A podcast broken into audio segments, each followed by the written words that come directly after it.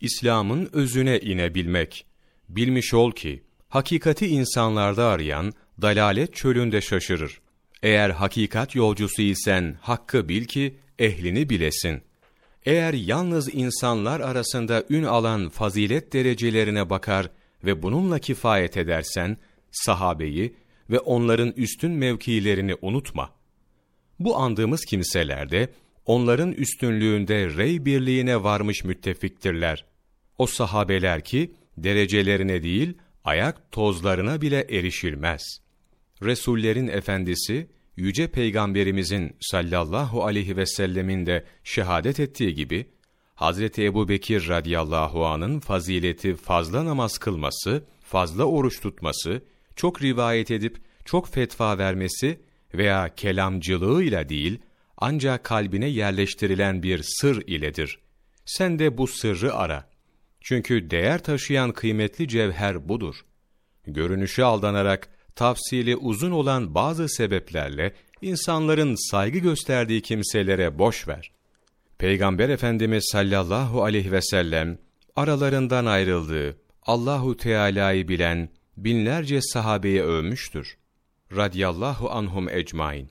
Halbuki onlardan ancak bir tanesi kelam sanatını bilmiş ve hemen on küsurdan başkası fetva bile vermemiştir.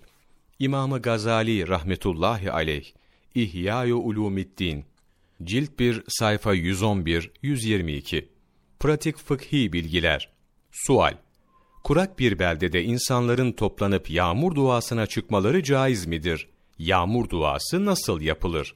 Cevap Caizdir. Müslümanlar dua edilecek yere vardıklarında önce iki rekat namaz kılarlar. Namazın cemaatle kılınması menduptur. İmam namazdan sonra kalkar ve cemaate karşı bir konuşma yapar.